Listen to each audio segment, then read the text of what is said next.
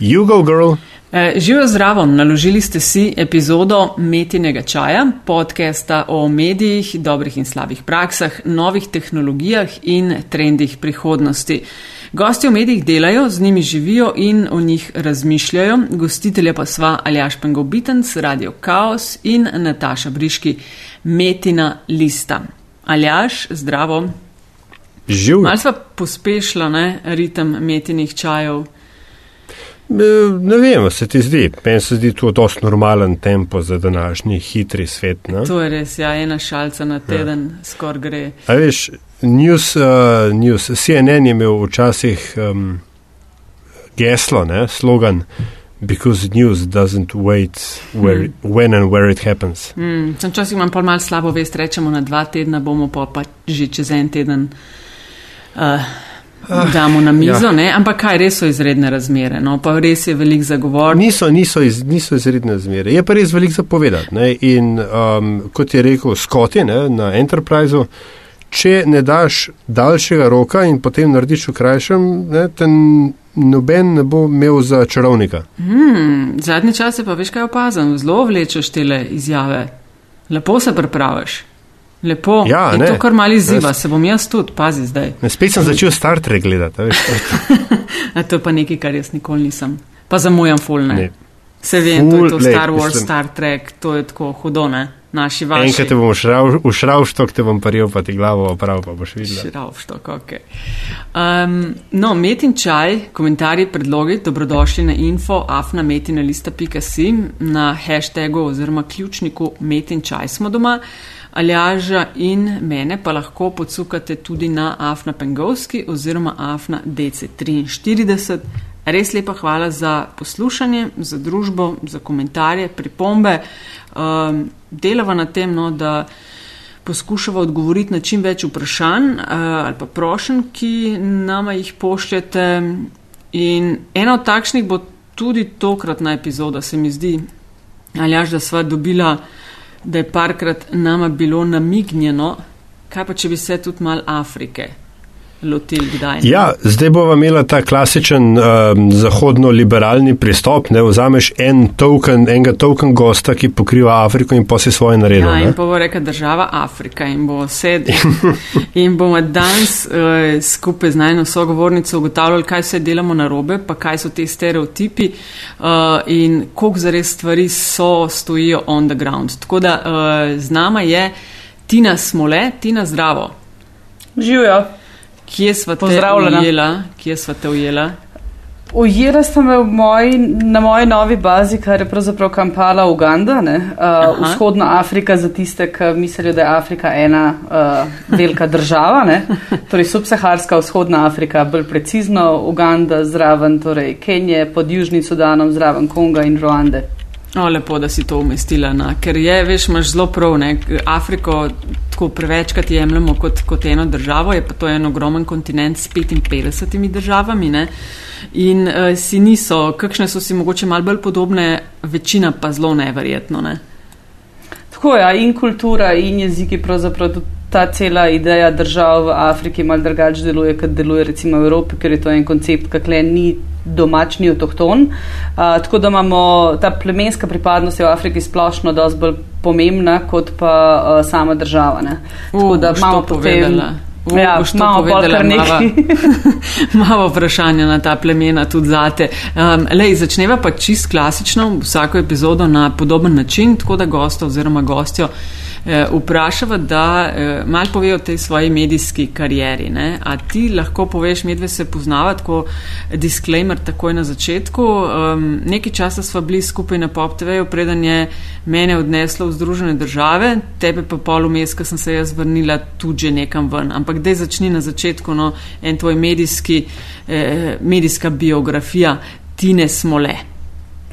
Ja, ma je že kar skoraj, mislim, dobrih 20 let, no, tako pravzaprav sem začela um, v, še v srednji šoli in to na radio študent, ki je nekako ustal uh, moja prva ljubezen, recimo temu tako, v eni srednješolski vdaji, kurikulum vite, ki je potekala ob sobotah.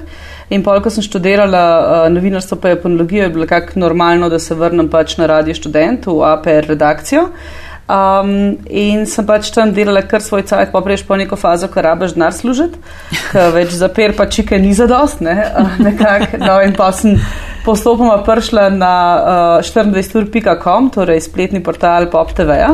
Uh, čeprav se uh, nekako nazorno nismo glih uh, našli na isti valovni dolžini na začetku, ampak je bila ekipa tako znana in to so bili še začetki. Ne to 2-1, uh, vse skupaj. Um, in sem jaz tam kar ostala kar nekaj časa. No. Vmes sem začela um, delati honorarno tudi za Reuters, uh, za tekst. Uh, v Ljubljani pač polet sem nadomeščala dopisnico. Uh, hkrati še z radijskih časov študenta sem pravzaprav prevzela tudi dopisništvo za radio uh, 101 v Zagrebu, ker pač sem slovensko-hrvaških korenin. Uh, pa je pa meni tako, nekako mi je z, dosti mi je bilo Slovenije, recimo temu tako, pa tega mehnega prostora, tako da sem se preselila na Hrvaško 2008, uh, ker je pa tudi Reuters takrat uh, televizija je rabila snemalca, da bi pokrivala predsedovanje Slovenije Evropski uniji. In nekako sem dobila kamero na mizo in, in manual in mi je kolega uh, kamerman rekel, da se pa pa mali grad, pa prid z vprašanji. Tako sem začela pač snemati uh, kar je tudi potrajalo nekaj let. Um, Ampak primarno mes... pa ti nisi bila snemalka, ne? Ne? ne, ne, jaz sem štartala sem kot radic, no, pa potem tekst. Sam nekako um, zmeraj bil tisti, da sem hotela biti za mikrofonom, za kamero, tako da tudi zelo tole mi je malo tako čudna, uh, čudna atmosfera, da se mene sprašuje, A, da uh, pa da jaz nastopam. tako nekako. To, to, to je ta ti. To je ta fora, ki si bolj komotno na drugi strani mikrofona. Ja, ja, veš, mislim, ja. več kontrole imaš nekako, veš, kaj se bo dogajalo. Ja, veš, kako je to. V zadju si, ne? Ja. Tako, tako, tako si ja, radi, radi, si, ja, radi si to dobro poznamo. Ja, in to je tisto, kaj je fajn, ker si lahko oblečen, kot kar češ, ne? Uh, loha, ja. veš, imaš frizuro, kakršno češ. A si v pižami? A si v pižami? Ne, tepe ura deset zvečer približno, ne? Tako, ja. Eno uro smo razlike, zdaj dokler smo šli na poletnem času v Evropi, druga smo pa pač dve uri razlike. A, ne, nisem še v pižami, ker kle tudi bolj pozo hodimo spat, ker se zmerka izažura, pa gor pa dol, tako da nočno življenje kle kar poteka z družbeno na vse načine.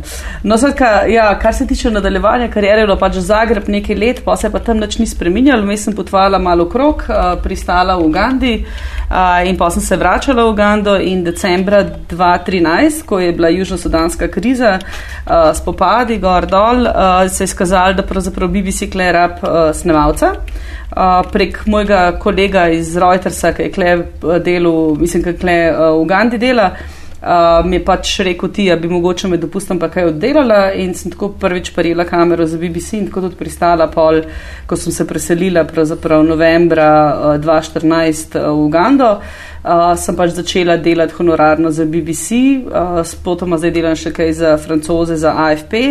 Uh, še v Sloveniji, pa na Hrvaško sem delala kot stringer za Nemce CDF, tako da z njimi še zdaj sodelujem občasno, pa zdaj zadnje kenijske volitve, ki so bile, pa ki se bodo zdaj ponovile, naslednji teden sem pol dobila še novega klienta um, Associated Press.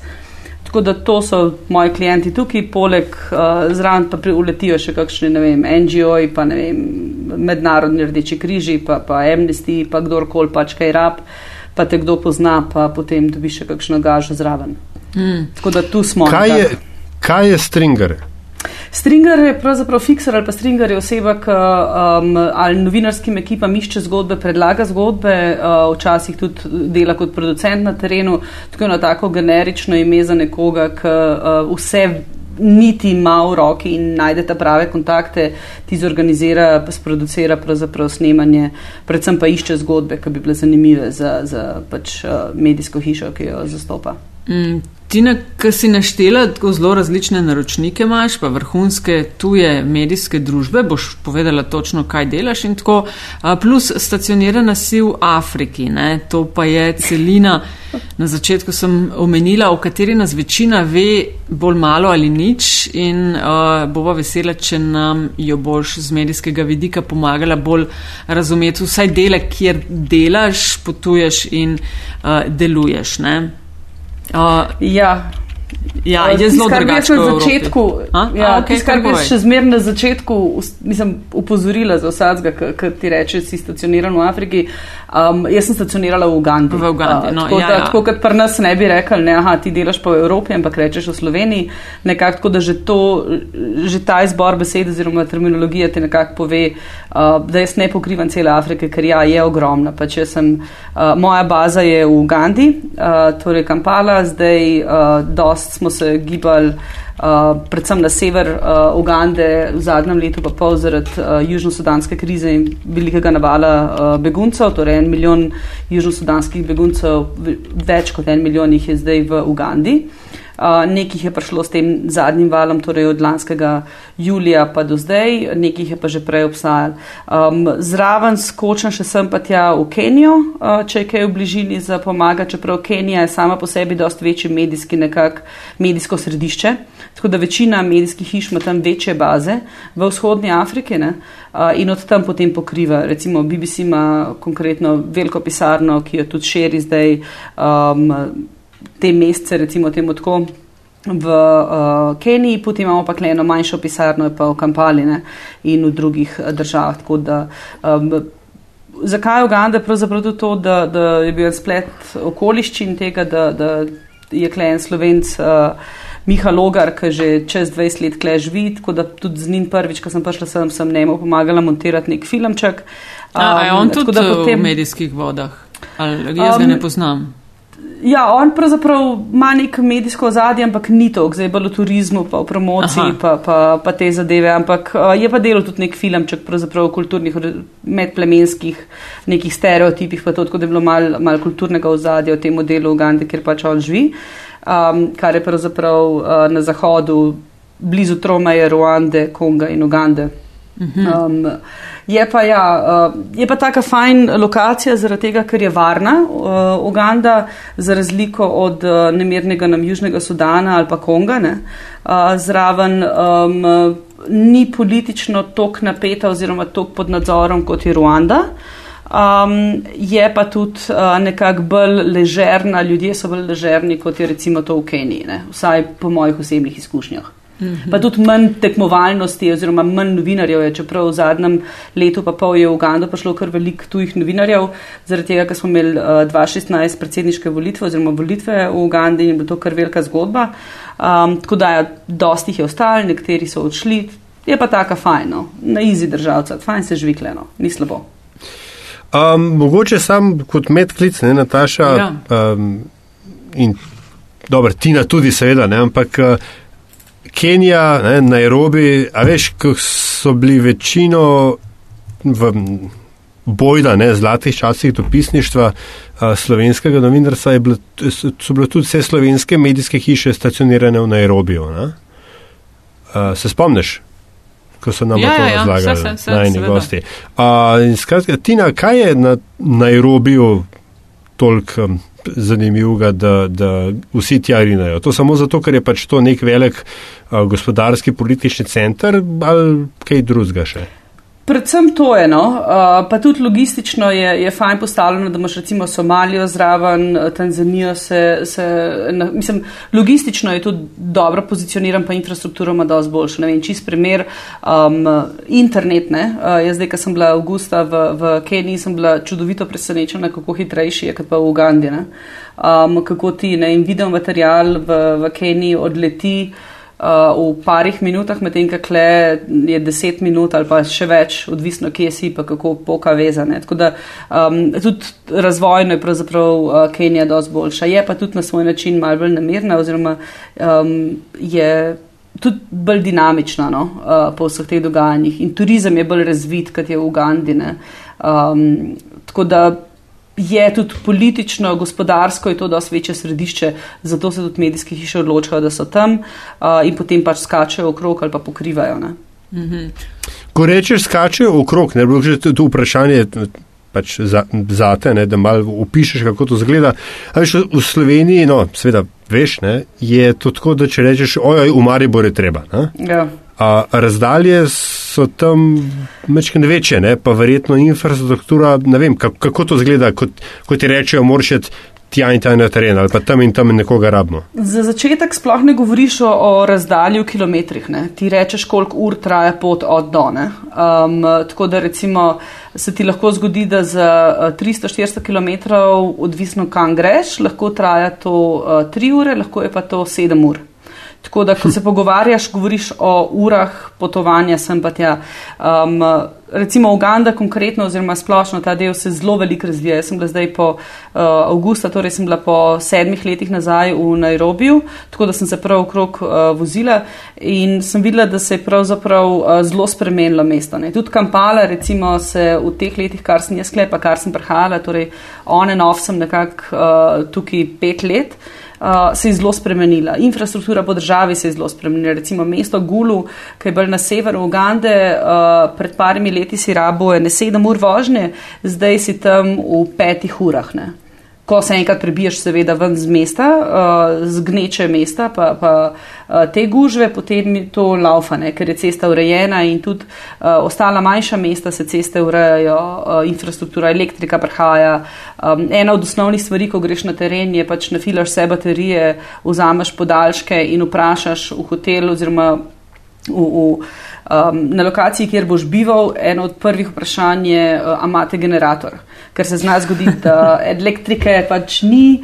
Uh, sekundarno je vprašanje, ko ne najemaš sobo, rečeš pravzaprav izrazne is it self-contained, kar pomeni, da imaš kopalnico v sobi, torej ti ni treba vaniti. Uh, pol je pa že naslednja zadeva, torej a je voda dejansko v pipah, ne, uh, ali boš imel tam kanister z vodo, pa se boš pač tu širil. Zdaj, odvisno, kam greš. Ampak tako, to so te neke zadeve, ki so nam vrtale zelo samoumevne. Tako da se je meni zgodilo enkrat, da sem prišla vmes domov in sem šla s prijateljico na Češki in je bilo tudi vprašanje, pa v hotelu bo soba, ali bomo imeli sobo s kopalnico ali brez ne. Utrgal se je bilo, ampak le pač padeš v to, da so to osnovne vprašanja. Ne? Še sploh, ko greš na teren, ko boš moral uh, nafilati, ne vem, cel dan boš snemo ali pa, ali pa karkoli počel, pa moraš potem poslati material, pa moraš montirati, pa rabaš štrom. Tako da generator je ena od osnovnih stvari, da to vprašaš, če ga slučajno po noč izklopijo, ne? ker se ti zgodi, da ga ne vem, ob dveh po noč izklopijo in da baterije, ki si jih da ufilati, pač zjutraj ob sedmih niso nafilane. Ne? Tako da je tukaj dosti teh stvari, ki jih moraš mentalno um, pregrist, pa se navaditi razmišljati drugače. Se pravi, okay, ti si vladaš, ni panike. Se pravi, ti si uh, snemalka, montažerka, tudi ja. novinarka v eni osebi, ali recimo, ko delaš za BBC ali pa te tuje naročnike, uh, novinare posebej pošlje, ali si ti vse v enem? Um, odvisno od klienta do klienta. Recimo Aha. z BBC imamo pač klien novinarko oziroma imamo ene par novinarjev. Uh, tako da sem jaz v, uh, z BBC sem jaz pravzaprav snemalka, uh, včasih zmontiramo prispevek do konca. Uh, če so pa kakšne hitre uh, zadeve, se pa potem tako, tako rekoč narediš ta rafkat, torej sam namečeš ja, ja, kadre, predlogi. ki bojo potem ja, ja. zmontirali po uh, pač v Londonu ali kjerkoli že. Um, pač novinarji pa potem naredijo svoje, kar se tiče tonske obdelave prispevka. Uh, recimo, če gre za agencije, uh, za AFP je odvisno, delamo tudi tako imenovan rushes, torej um, izjave na en konc, uh, pa slike na drug konc, pa potem narediš tako imenovano shotlist oziroma popišeš kadre, uh, tako da klienti vejo, kaj se kje vidi, pa izjave izpišeš pa to, ali delaš pa celoten prispevek, kjer ga potem tudi uh, zvočno obdelaš, torej narediš celoten scenarij, pošljaš daš urednikom v odobritev, če treba kaj skrajšati, spremeniti in potem pač tudi uh, sam zmontiraš, uh, pač posnamaš ton um, in pošleš uh, pač naročnik. Odvisno, kdo kaj hoče, ne? tako da uh mhm. -huh. se vse zmenaš na, na mesto. Ne? Ali je sistem dela med uh, agencijami oziroma velikimi medijskimi hišami zelo različen? Ne vem, omenil pač. Umenila si te ta velike Reuters, BBC, AFP, Associated Press. Mm. Uh, ja, uh, e, sorry, pač razumem, da hočeš različne stvari od tebe, ne? ampak a veš, ta, a, a moraš svoj delovni proces ne, prilagajati kaj zelo posameznemu naročniku ali je to nekako vendarle sorodno? Ni nekih radikalnih uh, razlik recimo med, med agencijami, ne? če govorimo AFP, Reuters pa uh, AP. Uh, torej recimo AFP ima to specifiko, da uh, ko delaš za televizijo, ti ne napišeš zgodbe, ne? kar pri uh, Associated Pressu pa pri Reutersu narediš. Torej posnamaš, zmontiraš, um, in pač tonsko obdelaš uh, tako imenovano, kam gre, kjer linije, zadnja tehnične zadeve, ima vsak mal po svoje, uh, potem pač popišeš kadre, izpišeš izjave um, in zdaj pa Reutersu pa APU napišeš tudi kratko zgodbo. Ne, torej, da, mhm. da klient, ko dobi, ker to ima pač vsak ima svoj sistem, klient, ko dobi, si prebere zgodbo, če mu je zanimiva, pogleda, kaj za ene stvari so in potem recimo šele sname doli sistema uh, videomaterialne. Um, AFP recimo nima tega, tako da za njih je lažje, hitrej si upravo, ne, ker popišeš kadre, izpišeš izjave, pa pošljaš vse. Torej se ne ukvarjaš zdaj s terminologijo, pa koliko je dolg, kaj je pet odstavkov ali treba skrajšati. Ampak v končni fazi je stvar v tem, da uh, tako kot imaš uh, urednike, ki na drugem koncu pogledajo, preverijo, uh, popravijo in potem šele pošljajo pač v sistem. Nekaj malega si Tina že povedala o razlikah v teh državah v Evropi, v katerih si delala in tukaj v Ugandi oziroma Keniji, ki greš, pa še kakšna druga. Kaj so še tako glavne razlike, no, ki si jih opazila, kaj je še tako zelo drugače? poleg tega, da recimo rezerviraš hotele in podobno, da, da so mal drugačna vprašanja tukaj, kjer si zdaj, recimo. Kaj še kaj opaziti med, ne vem, ali ja, veš, slovenskim, hrvaškim, evropskim in v tem v Ugandi, Afriki, Keniji.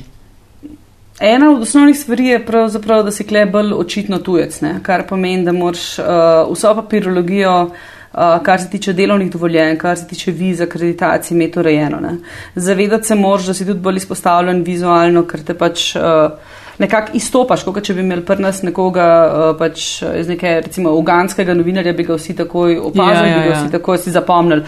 Kar pomeni, da, da ne smeš dovolj um, situacije, da bi recimo uh, ne imel urejenih papirjev uh, ker te lahko zaradi tega vržejo ven. Uh, in te ne vržejo samo za ene države, vržejo te ven iz um, celotne um, vzhodne Afrike. Ne? In, in rečeš, papirje, kje je papirje, vse moraš imeti? To je recimo delovno dovoljenje, uh, ki ga pač plačaš, uh, seveda ne pridno, uh, akreditacija medijskega centra, uh, ki jo tudi seveda plačaš, torej se stvari se plačuje. Koliko je recimo um, to od oka? Recimo, Od oka je tako rekla, za eno leto delovno dovoljenje je 2500 dolarjev. Um, akreditacija za dve leti je 325 dolarjev v Ugandi. Ja, ja. Um, uh, oprosti, ameriških dolarjev. Ja, ameriških. ameriških. Okay.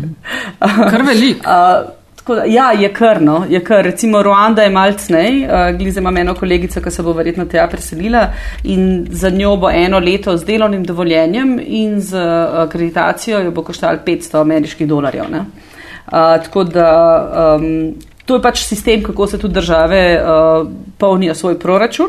Um, je, pa, je pa še zmeraj recimo lažje dobiti vsa ta dovoljenja v Ugandi kot pa v Keniji. Kenija ima spet. Vsaka država ima svoja pravila. Svetka, to je za začetek, poleg tega se moraš navaditi recimo pri nas za uh, kakšne predsedniške dogodke. Um, si se akreditiral, pa ni bilo nekih dram. Ne? Uh, uh, greš na brdo, greš na brdo, se daš na seznam in je vse v redu. Klej postopek mal drugačen, da te morajo varnostne službe vsakič znova preveriti. Ti nimaš uh, odprte akreditacije, da greš lahko uh, obiskati predsednika, uh, ampak je to vsakič znova postopek in te morajo vsakič znova uh, pač. Uh, ti dovolj ne, eh, pristop, istočasno moraš vsakič opremo poslati, varnostni recimo eh, razmere so drugačne, ko vstopaš, si preverjen, telefone se pušča ven, eh, mislim se pusti na, na recepciji, kamere in vse so preverjene, da slučajno ne bi karkoli čudnega prinesel. Tako da ta um, prisotnost policije, varnostnih služb in vojske je dosti bolj očitna. Ne. Tudi na ulicah, recimo na začetku je bilo meni šokantno videti varnostnike pri pr bankomatih. Eh, da imajo puške, ne, ne pištole, puške. Um, in se potem s časom navadiš na to. Naj, najbolj normalno je v Ugandi videti uh, pač tako imenovane robokope, policiste, pa, pa vojsko na cesti. Ne. In pa se že s časom navadiš, kdaj jih je več, če so kakšni protesti najavljeni, uh, če opozicija ima kakšne svoje uh, shode ali pa kaj takega, jih potem pač vidiš malo več, vidiš tudi vem, vojno policijo na cesti. Ne. In potem veš, da so zadeve pa res bolj uh, ostre. Ne. Um, tako da tukaj so neke reči, tudi obnašanje, kako pa kaj. Kot, kot belc imaš recimo neke prednosti, ne? da, uh, da te glih ne bojo um, preveč boksali, ne boste preveč zmervajo, da si bil, pa da je potem tudi pozornost uh, lokalnih medijev bolj na tebi. Ne. Smo imeli pa pred parimi leti incident, da, je, uh, da so policisti pretepli novinarja, uh, da je končal potem v bolnici, še zdaj človek ne more normalno hoditi in to je bilo pred kamerami.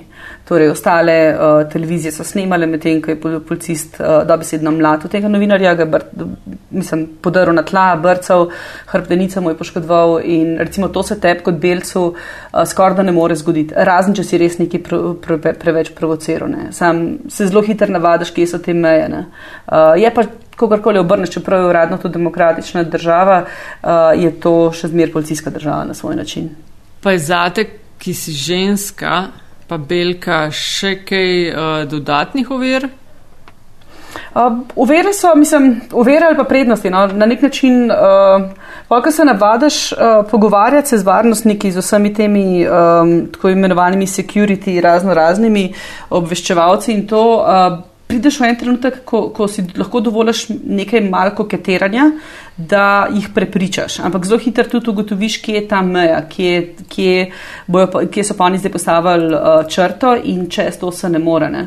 Um, je pa to dejstvo, da si pač, ker si bolj opazen, se, tudi, se ti zgodi, da ti ne vem, PR, uh, kakšne vojske pošle sporočilo. Ti posluši, se mi zdi, da smo te tam pa tam videla, si bila to ti. Um, tako da moraš pa na lep način razložiti, ne, ja ali pa ne, ali pa ne vem, ti sporočijo, pošljejo, ja, se dolg časa nismo slišali. Uh, Klej, recimo, tisto, kar je zanimivo, kar se komunikacije tiče med novinarji, pa tudi uh, inštitucijami, so WhatsApp skupine osnovni način komunikacije. Uh, torej vsaka, vsako združenje, vsaka skupina novinarjev, ne vem, ki spremljajo sodišča, ki spremljaš parlament, ima svojo skupino. Ne. In v tej skupini zjutraj se zbudiš, imaš tam 50 do 100 sporočil, in od teh 50 do 100 imaš tri vsebinsko dejansko pomembna, ostalo so pa ne vem.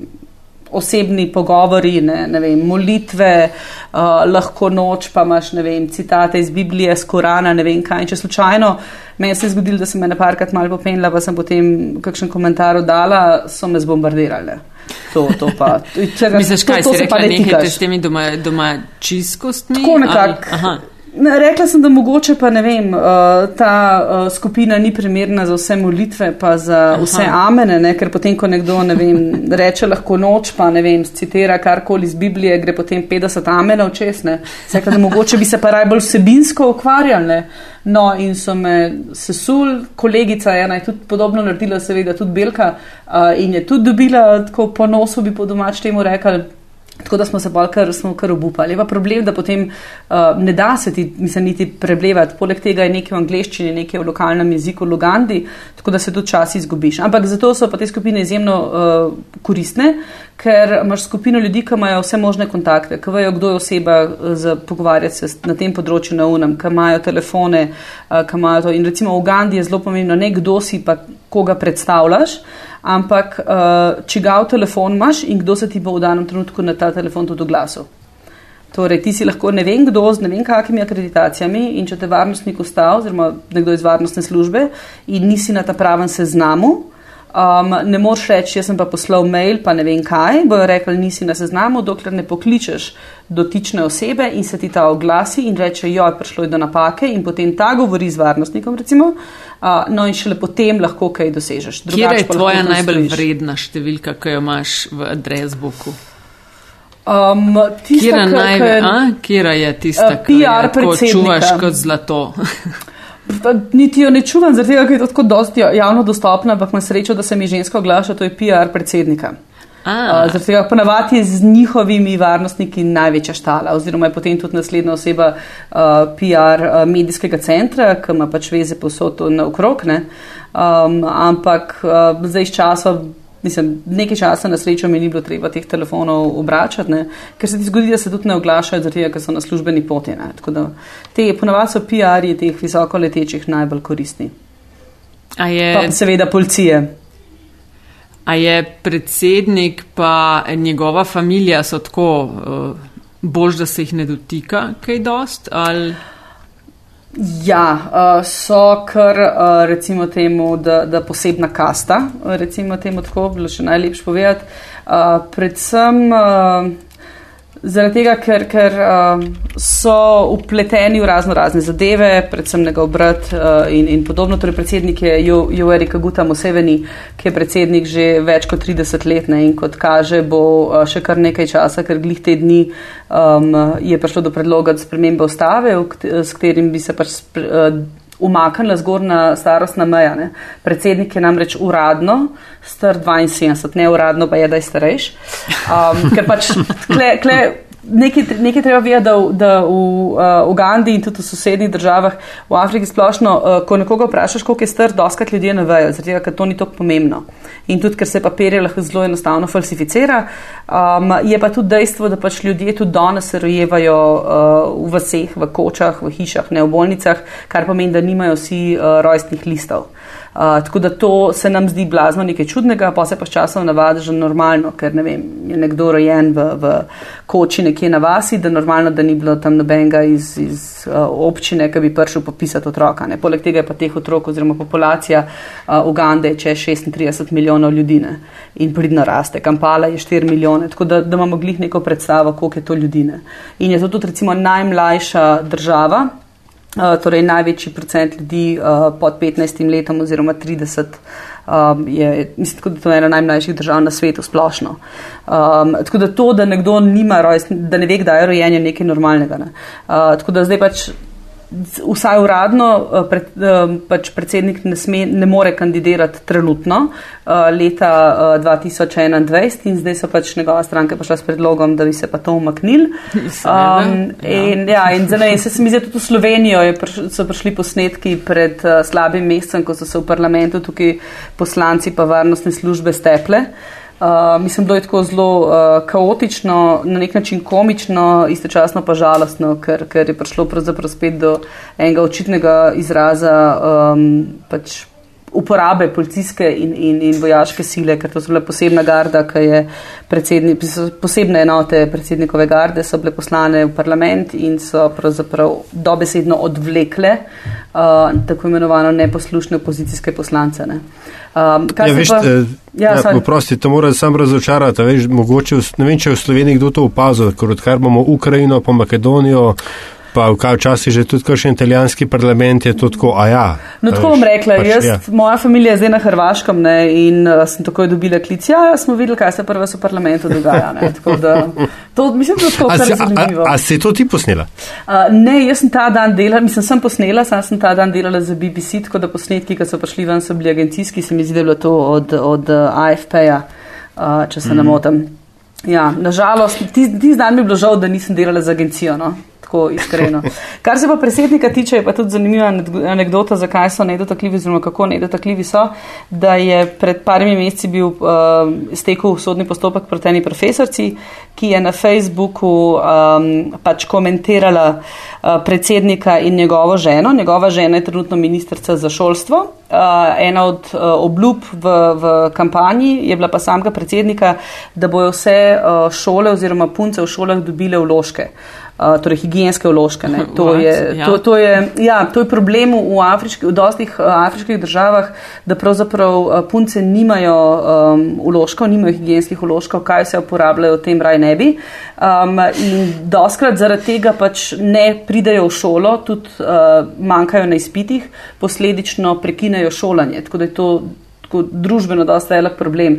No in to je bila obljuba predsednika, da bo pač, če bo znova izvoljen in za čuda bil je, um, da bo potem pač poskrbel, da bojo punce dobile ložke. Njegova žena kot ministrica za šolstvo je potem rekla, ni denarja v budžetu in je ta profesorca se lotila na, na svojem Facebook profilu um, tako zelo um, eksplicitno se izražati, kaj vse ta ženska je, torej uh, predsednikova žena, uh, ker pač ona kot predsednikova žena ni zaščitena z omenim zakonom, uh, je bilo pač nekaj komentarjev na račun predsednika in je potem sodstvo se odločilo, oziroma država se je odločila, da se bo tej profesorci uh, stopili na kraj in so jo dobesedno pohopsali en petek zvečer. Um, da bi v ponedeljek potem obtožnica uh, druga točka obtožnice, torej prva je tako imenovana cyber harassment, um, ta druga točka je pa obtožuje, da je predsednika klicala in če citiram, pair of buttocks, torej poklicala, je rekla mu, da je rit, da je navadna rit in zaradi tega je bila ženska en mesec v zaporu. Uh, še zmer postopek poteka, na kar neuradno sem pa zvedela od, od njenega bivšega odvetnika, da sta še dve obtožnici na mizi, tako da v trenutku, ko bo ta profesor za spet, recimo po domače stegenla jezik, uh, jo bojo znova pohopsali. No, ona ve in se je zdaj to umirilna. Je pa stvar v tem, da je pravzaprav samo zahtevala, da obljube so dejansko izpolnjene. Tako da to, to, to ti pokaže, koliko je recimo predsedniška družina um, zgodba zase. Ne?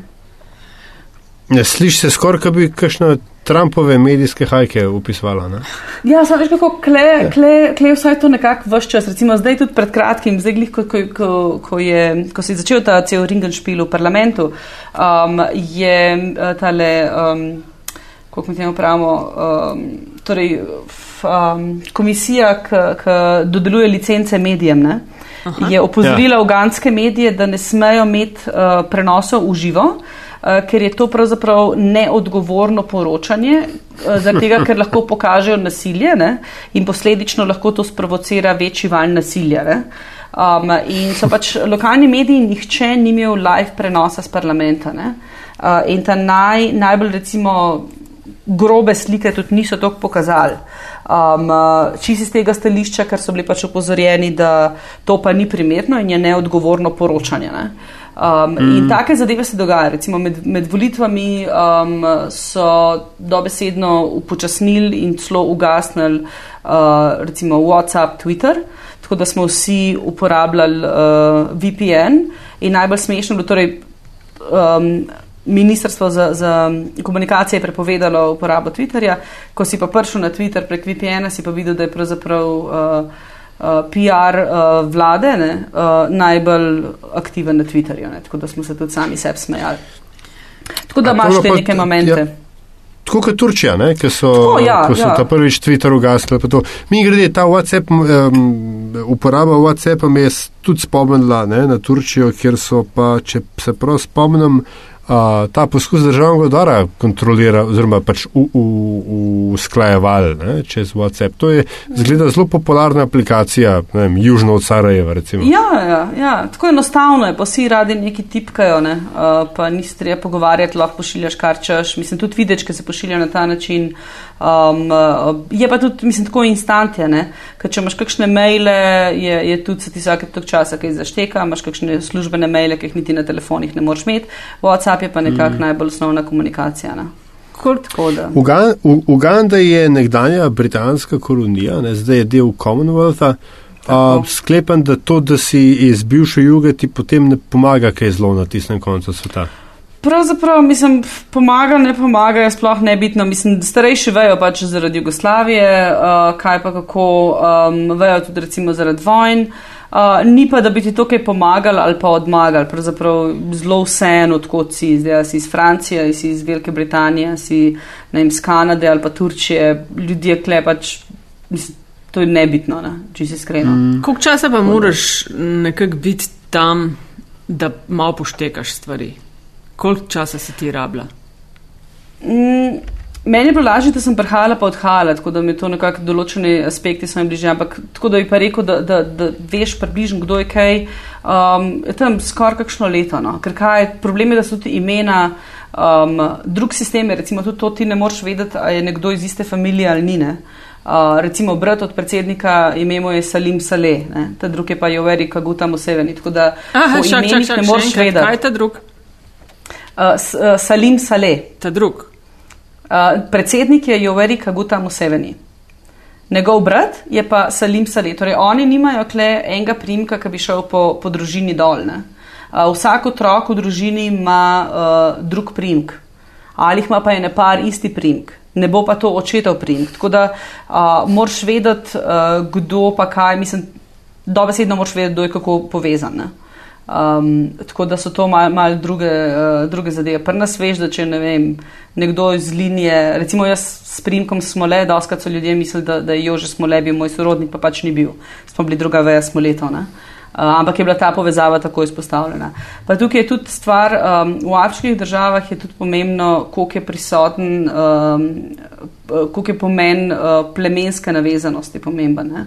Recimo v Keniji, uh, če se dotaknemo te um, spopadi, ki so bili po volitvah uh, 2-7, uh, so bili na plemenski bazi in tudi to, kar se trenutno dogaja, je, je zelo pomembno, kdo je Luo, kdo je Kikujo pleme, to so pač dve dominantni plemeni v, v Keniji med 40 in neki plemen. V Ugandi imamo uradno se mi zdi, 55 plemen, nekaj takega. Um, je, je pa ta plemenska pripadnost ni tako očitna. Uh, kot je v Keniji, po drugi strani je pa še zmer uh, varnostna služba, vojska, ta najviše pozicije so iz plemena, odkudar prihaja predsednik. A so te kdaj, pač... kdaj sprašvali, iz katerega plemena si? A te to vprašajo? Um, ja, ja, te vprašajo in na začetku pri nas avtomatično rečeš, pri nas pa ni plemen. Ne? In potem pogruntaš, da imamo tudi mi plemena, ne? sam da jim ne rečemo plemena, ampak jim rečemo dolenci, gorenci, vem, primorci in podobno. Um, tako da potem predstaviš, pa rečeš, ja, pri nas je pa to, pa to plemen. Sem imela pa konkretno vprašanje, pravzaprav me je predsednik uh, enkrat vprašal, z katerega plemena sem. In glede na to, da je moj fant uh, iz njegovega plemena, sem bila zelo blizu, da bi sarkastično mu spustila, da sem pač z njegovega, ker kle plemenska pripadnost gre potem po moževi oziroma očetovi strani. Ne? Ampak sem se pa v zadnji trenutek zadržala, ker je bila njegova soproga zraven, ki ni najbolj simpatična oseba, tudi uživo. Uh, tako da sem rekla, mogoče pa to ni ta najboljši trenutek, da, da jaz predsedniku kakšno spustim, ker bi lahko še meni kdo kaj spustil. Tako da sem pa povedala, da sem z Hrvaške in je bila reakcija navdušujoča, a predsednik Tučman in pol sem se še enkrat oči zakrila in skratka. Uh, tako zanimiv trenutek, ko ne moreš glih ta prave reči. Kaj pa dress code? Ko se giblješ po, po državi ali pa na tiskovnih konferencah ali pa ko prideš na obisk k predsedniku, a je to kaj. Jaz vem, da, da v Združenih državah, recimo na tiskovkah, snemalci in tako je bilo vsi so mogli biti v eh, oblekah, kravate. Recimo Trumpova administracija je na začetku, takoj ko so štartali, ženskam prepovedala, da bi v majicah z naramancami okoli hodili. Mislim, da so imeli eno to finto spomladi. A je tam tudi kaj posebnega okoli tega? Um, ja, pravzaprav imaš neko osnovno pravilo. Recimo parlamente ne spustijo, če se v kavbojkah, odprtih čevljih ali pa majci brez rokavov. Uh, in to ti tudi povejo, ko dvigneš akreditacijo, torej rabiš imeti neke normalne hlače, um, načeloma tudi krila naj ne bi bila nad kolenom. Ne? Um, uh, isto velja za State House. Uh, pač se nekako primerno oblečeš, niti treba biti za nekako skocka, še sploh kot snemalc. Uh, meni treba biti v, v kikli ali pa v krilu, sem komot v hlačah. Ne? To ni problem, ker pač tekaš okrog, uh, včasih plezaš, včasih ne vem, delaš razno razne akrobacije, da dobiš ali pa da se stisneš na ta pravo lokacijo. Uh, ampak ja, kavbojke niso dovoljene, odprti čevlji niso dovoljeni, majice brez rokavov uh, tudi ne. Um, je pa tudi pred kratkim so uredili tudi ta tako imenovan dress code za, za civilno upravo. Um, in par tednov nazaj, dva tedna nazaj, je tudi ena uslužbenka uh, šla, sem bila poslana na disciplinsko komisijo, zaradi tega, ker je prišla v obleki, prekratki obleki. Uh, kle ženske. Um, Pač afriške ženske imajo svoje obline um, in jih rade pokažejo in jih znajo nositi. In tudi obleke so temu primerno um, knap, bi temu človek rekel po domač. Um, in se pač vidi, ne, atributi so pokazani in to je, to je normalno. So potem tudi ženske, ki so bolj v tradicionalnih oblekah, uh, ki so tako. Imajo tudi ten, svoj poseben ime gomezi, uh, ki imajo take ene visoke uh, rokave, ki izgledajo malo kot iz kakšnih uh, science fiction filmov. Uh, Um, tam se ne vidijo nobene obline, ampak je to bolj, bolj tradicionalna obleka, tako da ni to gliza vsak dan v službo ali pa v parlament ali pa kamorkoli. Um, je pa to, da potem včasih res si misliš, da mogoče, če pa ta dekolte ne bi bil glih do popka, ampak mal ne, ne bi škodil. Imamo pa tudi enega zelo zanimivega poslanca, ki pač uh, predsednikova stranka, ena rem, njihova barva je rumena. In ta en poslanc uh, po imenu Abiriga uh, je pravzaprav vse čas samo in edino v rumenem. Uh, človek ima rumen avto, hišo in vse ostalo. Tako da tudi ta živa barva po teh standardih, ki so jih zdaj prenesli, pravzaprav on ne bi smel tako okrog hoditi, saj ne v parlament. Ampak ker je pač v rumeni barvi, se to sme, torej rumeno je zaželjeno. Uh, vse druge barve, še sploh opozicijske tedni, imajo rdeče trakove po glavah, rdeče barve niso zaželjene. Pa šlo je tako dalč, da so na tekmi pred um, tednom pa pol, uh, je policija, ker, ker zdaj glizara te starostne meje in, in spremembe ustave, je opozicija klicala, da ljudje nosijo okrog rdeče trakove ali pa kape, no in na nogometni tekmi so varnostniki ob pregledu in takem pravem body searchu, ko tako hands-on, no? mislim, res te prešlatajo te, čeprav greš skozi rentgen. So recimo odzemali rdeče kape in nekateri ljudje niso vedeli, kaj se dogaja in potem, ko se jim omenil, so se vsi sami za čudo za glavo prijeli. Tisti, ki so vedeli, so se mal bolj razburjali, ampak je tako, no, imaš ta neka pravila, kaj pa kako pa, kaj se sme pa česa se ne. Mm. Delaš za te kopico vrhunskih tujih medijev, a je kaj zanimanja za tvoje storitve, usluge strani slovenskih medijev? A nas Afrika, Uganda, Kenija kaj zanimajo? Um, jaz bi se nasmehala na to zelo iskreno, uh, bolj ne kot ja, oziroma zanimajo nas v tem klasičnem modelu. Uh, iz Afrike prihajajo zgodbe o boleznih, ha, o spopadih, ha. o revščini, o lakoti. To je približno to, kar nas zanima. Ne? Uh, ostalo pa ne. Jaz sem recimo uh, konkretno avgusta, preden sem šla v, v Kenijo za volitve, sem kontaktirala kar nekaj slovenskih medijev, pa tudi hrvaških, pa je bil odgovor razumljivo več ali manj podoben, razen če ne jim ugrabijo tok pa tok slovenskih turistov, razen če se ne vem koliko mrtvih ali pa kaj tacga zgodi, uh, ni ne. Tudi, mislim, z neke strani je razumljivo, ker nimamo kle niti političnih, niti uh, um, ekonomskih interesov, slovencev, recimo, da jaz poznam. Pravzaprav, poleg mene, vem še za eno slovenko, pa enega slovenca, da smo klene. Um, nekaj več srbov, bosancev, ki so prišli še iz časa bivše juge, pa zdaj so kle kot skarnice, pa igre na srečo bolj popularne, pa imamo kar nekaj srbov, ki se s tem ukvarjajo. Um, tako da nimamo glih uh, nekih zares interesov predaljčene. Uh, tudi recimo južno-sudanska kriza uh, in, in te mislim, reke uh, beguncev, ne, to pride sem pa tja, potem imamo pač zdaj Rohingje in, in temu podobno, tako da ta interes za Afriko je zelo tako parcialen. Kolik uh, nas ne zanima v Sloveniji Afrika, pove podatek, da ko sem jaz pač uh, pred volitvami, torej uh, na dan volitev, ok, nisem šli mal pogledat, kaj pravijo slovenski mediji in sem videla, da je bila STA um, izjemno površna, ne, namreč v Lidu so napisali, da uh, je v predvolilnih spopadih umrlo več kot tisoč ljudi. Ne. Uh, kar je bil podatek star deset let in to ni bilo predvolilno, ampak je bilo pa volilno nasilje uh, in sem jaz da besedno popenila, uh, poslala zelo tak direkten mail, v katerem sem recimo temu, da kričala, ker si nisem mogla pomagati in isto je prevzela RTV Slovenija na svojem portalu in še kar nekaj uh, medijev, uh, ker je enostavno ta copy-paste varianta. Ne? Ah, neki Afrika, aha, kaj bo, kaj bo zanimivo, aha, tisoč mrtvih. In potem so spremenili, da ja, deset let predtem je pa to pa to se zgodilo. Je vsaj točen podatek, ampak enostavno nas ne zanima. Zato je fajn delati za tuje medije, uh, kjer imajo interes. Recimo BBC ima od ponedeljka do petka polurno oddajo o Afriki, Focus on Africa, za katero doska delamo. Imamo tudi sem pa tja live za njih uh, in vse te zadeve. AFP kot francoska agencija ima tudi interes v Afriki, uh, dosti močnejši se sploh zaradi višjih kolonij. Um, AP pa pač varirane, pa Reuters, odvisno pri vseh teh medijih, torej tudi pri agencijah je vprašanje, koliko pa kaj ne. Uh, v kakem trenutku, recimo volitve pa nasilje, ja, to se prodaja mirnodobske zgodbe, pa odvisno, kako prodaš, pa koliko budžeta ima katera firma, če si iskreno. Um, Malčke sem se zemljevito gledal, ne, priznam, šele uh -huh. tik pred našim pogovorom.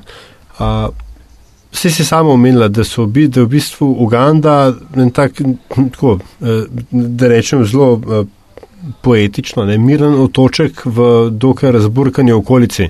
Tako. Um, kako je to sploh možno, oziroma um, se, zakaj se to, ne, boh ne da se, ampak recimo južno-sudanska kriza ne prelije um, če, čez meje, oziroma a, ker tega nismo dosto obdelali, ne, koncepta države, ki je bolj kaj ne na papirju, ne, kot praviš, ker so plemenske zveze, uh, plemenska pripadnost bolj pomembna. Kako to v bistvu tam funkcionira? Kako veš, kje se je končal Uganda? Mislim, veš, kje se je končal Uganda, kje se začne Južni Sudan, uh, zakaj je tukaj mir, pa tam ni in tako dalje. Tisto, kar je pomembno vedeti tudi, zakaj je Uganda taka, kot je in zakaj je predsednik toliko časa, kot je, je, da ima Uganda zelo močno vojsko. Uh, in ta vojska je za mir v Afriki izjemno pomembna. Torej, zelo velik kontingent uh, ugandske vojske, tako imenovane UPDF. Um, je v Somaliji, um, tudi zdaj pred kratkim, kaj aprila, se je ta kontingent potegnil recimo iz Centralnoafriške republike, kamor so nas tudi veselo pelali novinarje uh, pogledati, kjer so iskali konja kar nekaj časa, torej, torej LRA, ne? Uh, zgodba, ki je tudi, tudi prišla recimo do zahoda. Um, in oni imajo zelo disciplinirano, uh, sicer tudi korumpirano, pustimo to po strani, ampak disciplinirano in, in učinkovito vojsko. In zaradi tega ima tudi Uganda in, in uh, njena vlada, trenutno oziroma predsednik, mednarodno podporo uh, in vpliv, sodeluje tudi z mednarodnim uh, kazenskim sodiščem, z ICC-em. Kjer pač trenutno poteka um, sojenje enemu od pripadnikov um, LRA, torej Dominiku Ongvenu. Uh, Um, in zaradi tega, uh, recimo napad, ki se je pred parimi leti zgodil v Nairobi, v Westgateu, um, če se spomnite, mi zdaj bil september, um, uh, hud bombni napad, Al-Shabaab je bil zatem, če je 70 ljudi mrtvih. Um, kaj tacga se zdaj v Ugandi ne more zgoditi. Edini teroristični napad, ki je bil v Ugandi, je bilo 2011, če se ne motim, 2010, um, med svetovnim nogometnim prvenstvom umrlo je 77 ljudi. Um, oni imajo pravzaprav um, same službe, um, no, uh, zdaj mi spet angliščina skače, ker že nekaj časa nisem slovenščina. Ti kar, ti kar, ti kar, da je. Torej, um, ne informativne, um, spajzno, mislim, ja. Obveščeva, intelligence services, z lepo slovensko ja, besedo. ISO, ne, ja. ISO pa ESO bi temu kaj pravimo, torej zunanje obveščevalne pa notranje obveščevalne so kar močne.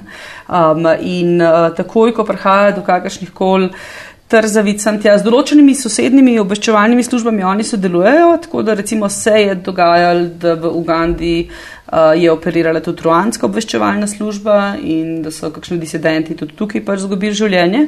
Um, ampak načeloma, kar se tiče svoje notranje varnosti, imajo pa oni to zelo dobro poskrbljeno. Tudi zato uh, je ta velika prisotnost policije in vojske na cesti nekaj, kar, na kar se navadaš in na nek način imaš tudi potem občutek varnosti, ki jih vidiš okrog, uh, kar je mal bizarno, ne? ker, ker fanti hodijo okrog s puškami, znova, ne pištolami. Tako da potem s časom že, že znaš razbrati, aha, to ta je za sozivc, ta ima uh, pač rubber bullets, tam pa ta prave. Ne? Tako da že veš, kdo kaj in kako in tudi se navadiš na streljanje, recimo, če so kakšni protesti. Kaj, uh, tri tedne nazaj smo imeli neke proteste na faksu, pa, so, pa je bilo malo sozivca, pa se ga nadihaš, pa se navadiš, pa potem slišiš, aha, zdaj so pa v zrak ta prave metke malo poslali, aha, zdaj se bomo pa malo umaknili. Tako da, um, da to je tisto, kar pravzaprav oni skrbijo za svojo notranjo varnost zelo več. So prisotni tudi um, v sosednjih državah. Ne? Recimo, kar se tiče Južnega Sudana, ko je, bila, ko je počela kriza uh, lani konc uh, julija, ne? Uh, jaz sem bila na meji um, z Južnim Sudanom in je kenijska vojska recimo ni, šla, uh, ni hotla svoje državljane potegniti ven oziroma skrbeti uh, varen prehod uh, v Kenijo in je šla uganska vojska. Pet dni so, so hodili v Džubo pa nazaj uh, in so pravzaprav pripeljali predvsem uh, uganske državljane, zraven so bili pa tudi južnosudanci, kenici in vsi ostali tujci, ki so hoteli pačiti uh, in so bili zelo učinkoviti. V prvem nam so dali pač možnost, da bi šli z njimi v Južni Sudan, ampak se potem zaradi tehničnih um, težav nismo odločili, zato ker ne bi mogli svojega materijala poslati, nismo imeli satelitskih telefonov in podobnega. In pa smo zvedeli, da ko so pravzaprav šli prvič uh, proti Džubi, tudi, je bila vojska tudi napadena. Um, ampak so se obranili pač, uh, in so zelo učinkoviti no, po tej plati. Zato je mir v Ugandi, zato je tudi um, predsednik že več kot 30 let na oblasti. Uh, uh, ker zna zmanipulirati. Človek je zelo um, tak lisjak, je, no, jaz bi temu tako rekla. Uh, pameten, načiten, uh, simpatičen, ko je treba, ne, uh, istočasno pa zelo. Um, Tako um, z nas podbostno, bomo temu tako rekli. Ti nasploh ti ni dolg čas, ne? Ne, ne, fajn je, zelo mislim, pridite, ne. Če ja. ne na gorile, pa to, ne, ptiče gledati, mislim, pridite pa malo pogledati, kako je. A to zgleda. sprejemaš kaj, obiskovalce, obiskovalke? Ja, ja, imamo, imamo sobo za goste, tako da A se ti da kon kontaktirati, recimo, če se kdo odloči, da bi pa, ne vem, sodeloval s tabo, delal s tabo, uh, kje se te da dobiti? Um, pravzaprav mislim, imam Twitter, ampak Twitter jaz bolj spremljam, kaj, kaj mi upada. Uh, maili so recimo taka najbolj fajn zadeva, uh, torej uh, enostavno tina smo le 11 at gmail.com, nobenih pik ničesar, tako da tam se me lahko pofočkate. Um, uh, telefon tudi, ki je na WhatsAppu, pa na vseh teh zadevah je pa plus uh, 256, uh, samo ne, dva, ja, sem zmedena, ker je to teh številk. Uh, torej, ja, se bo vsem sekundom. Ne, se v redu. Ja, plus 2, 5, 6, 7, 5, 2, 9, 4, 2, 3, 0, 9, če koga glih mika. Um, drugač pa ja, najlažje pa tudi na Facebooku, no, uh, kar je tudi nas smo lepo. Te, Slikca bo taka, da vam bo jasno, da delam kot snemalka, no, tako bom rekla. ja, um, a gre. A del, a, de- oprosti, Nataša, a delaš kdaj zase, eh, za dušo, a veš, da, da greš nekam nekaj delati, ki ni za denar? Um, trenutno um, bolj mal, za dušo se pol samo odklopam, pa ne vem, gremo na pijačo ali pa gremo kam uh, malo Na krok pobarati, pa, pa zažurati. Uh, tako, niti, ja, Viktorija niti ne toliko, zaradi tega, ker je bolj mazana na naši strani, pa ker ni varna za plavanje, uh, ker imamo neko čudno zadevo, bakterijo imenovano Balharzija in je neče želi dobiti. Je pa čudovito jezero Bunjoni. Um, zraven mesteca Kabale, to je pravzaprav dol na zahodu, uh, no ti se pa, je vulkansko jezero, je pa varno zaplavati, tako da tam je pa tak fajn odklop. Je pa mal daljša tura, je ne 7-8 ur vožnje. Ampak se zmer kaj najde. Imamo klejene par hribčkov, ki kampala ima pač sedem hribčkov, en hribček je edini, ki je zelen, pa gremo mal uh, tam en tempelj je, uh, Bahaj tempelj je na vrhu in če dobiš lep dan, ti tudi opice zraven prlaufajo. Tako da je čisto v redu. No, lušten. Uh, Tina, vsak podcast, vsak met in čaj nekako eh, zalažen zaključva z zanimivostjo. Gosta oziroma gostja vprašava, uh, ti si veliko tega že povedala, se vem, tako mogoče mal neumestno. To, mislim, mal, ne, ne bo čist na te pravih. Uh, uh, Ne bo čist prav sedlo, ker je res bilo ful, ful, ful enih zanimivosti, ne, ali pa takšnih uh, neobičajnih, ki jih nisva tako zelo vajena, ker vsem sva mal evropocentrična ali pa mal so bila tudi v Združene države uh, usmerjena, no, ampak mm. na koncu gostje z nama delijo eno zanimivost, ki je lahko povezana z tvojim poslom, privat življenjem, karkoli. Nekaj, kar oceniš, da, da veliko ljudi ne ve, pa misliš, da bi jih znal zanimati. Jaz bom malo zarotirala, to zanimivo, bom rekla tako um, nekako bolj podukno. Uh, No. Pač jaz de, delam za razno razne in tudi, ja, seveda, velike. Ti, ki si študent, pa se ti zdijo, ne vem, Reuters, pa te zadeve, blazno, wow. In potem ugotoviš, da pravzaprav, če si na pravem mestu, v pravem času, pa če si upaš reči, da jim probat, je to tako, tako priješ do joba. Ne? Mislim, razpisi pa to ja, teoretično in tudi funkcionira, ampak doskrat se pa zgodi, da če se ti prilika ponudi, uh, jo je treba zagrabati. In ena od stvari, ki je bila tako meni zelo podug, da ko sem jaz začela delati za Reuters uh, še v Ljubljani, ne? Uh, sem je takrat uh, gospod Perovič, kateri, ki je bil moj pač profesor tudi na faksu, pa do takrat sva bila bolj na vi. Je, Zaenkrat, mislim, naenkrat je bil blazno prijazen, pa kar na ti sva šla, joj, pa se mu je zdel full fine, da jaz delam za Reuters. Um, no, ampak, uh, ko sem pa jaz, nisem več mogla delati, ne, in tudi kolegi iz popa jih je bilo kar ena par, ki so rekli, joj, da je stara, če pa slučajno kaj, da je, ne. Uh, da jim pa te povej mi. Ne. In ko dejansko nisem mogla več delati za njih, um, uh, sem pač iskala ljudi, ki bi prišli na to mesto. Štiri ur, štir ure je bilo treba pač nadzirati Slovenijo, avgust, mesec, edino, pa sem pa tja kakšno futbal tekmo pospremiti, pa napisati tri odstavke v angleščini. Ne. No in pa sem naletela na ljudi, ki so bili um, vsi, joj, pa jaz nič ne vem o nogometu, pa ne vem o športu, joj, pa to v angleščini. In skratka, noben si ni upal izziva sploh sprejeti. Tako da Mislim, moja zanimivost je, ali če bi radi, sam probite, razen da rečejo, poslušajte, to pa glih ne gre tako, ali pa mi bi mal drugače, ali pa hvala za sodelovanje, se vam lahko vrata dosti bolj odprejo, kot pa uh, to dočakate, pa da upate na ne vem kaj. No. Mislim, tako, z moje strani pa moja izkušnja. No. Ej, Probaš, če je, je, če ne, pa ne. Dobro si to povedala. Ja. Tega se mi zdi pogumno, da nam včasih mal manjka. Ne. Vsi nekaj Ja. ljudi, nekaj vidimo nekoga drugega, ampak kaj treba pa sam stopiti.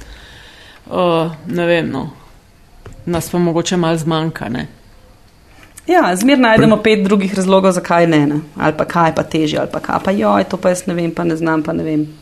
Itd. Predu- Predvsem smo zelo ziheraški. Mm -hmm. Tako, tako. Mm -hmm. Smo, smo. Pa tudi, se, se Ja. tudi vsak se najde v tem. Ne? Ampak hočem reči, če, če, če bi rad, ne, se mi zdi, da je to najboljša varianta ne? um, za probat. Tina, lepa, lepa ti hvala za tvoj čas, za, za tole šalco metinga čaja. Blazno poučno. Hvala na čaju. Ful zanimivega. Ful. Um, lej, priložimo linke, infor, informacije osnovne od tebe. A spomniš še enkrat, kakšen je tvoj Twitter naslov?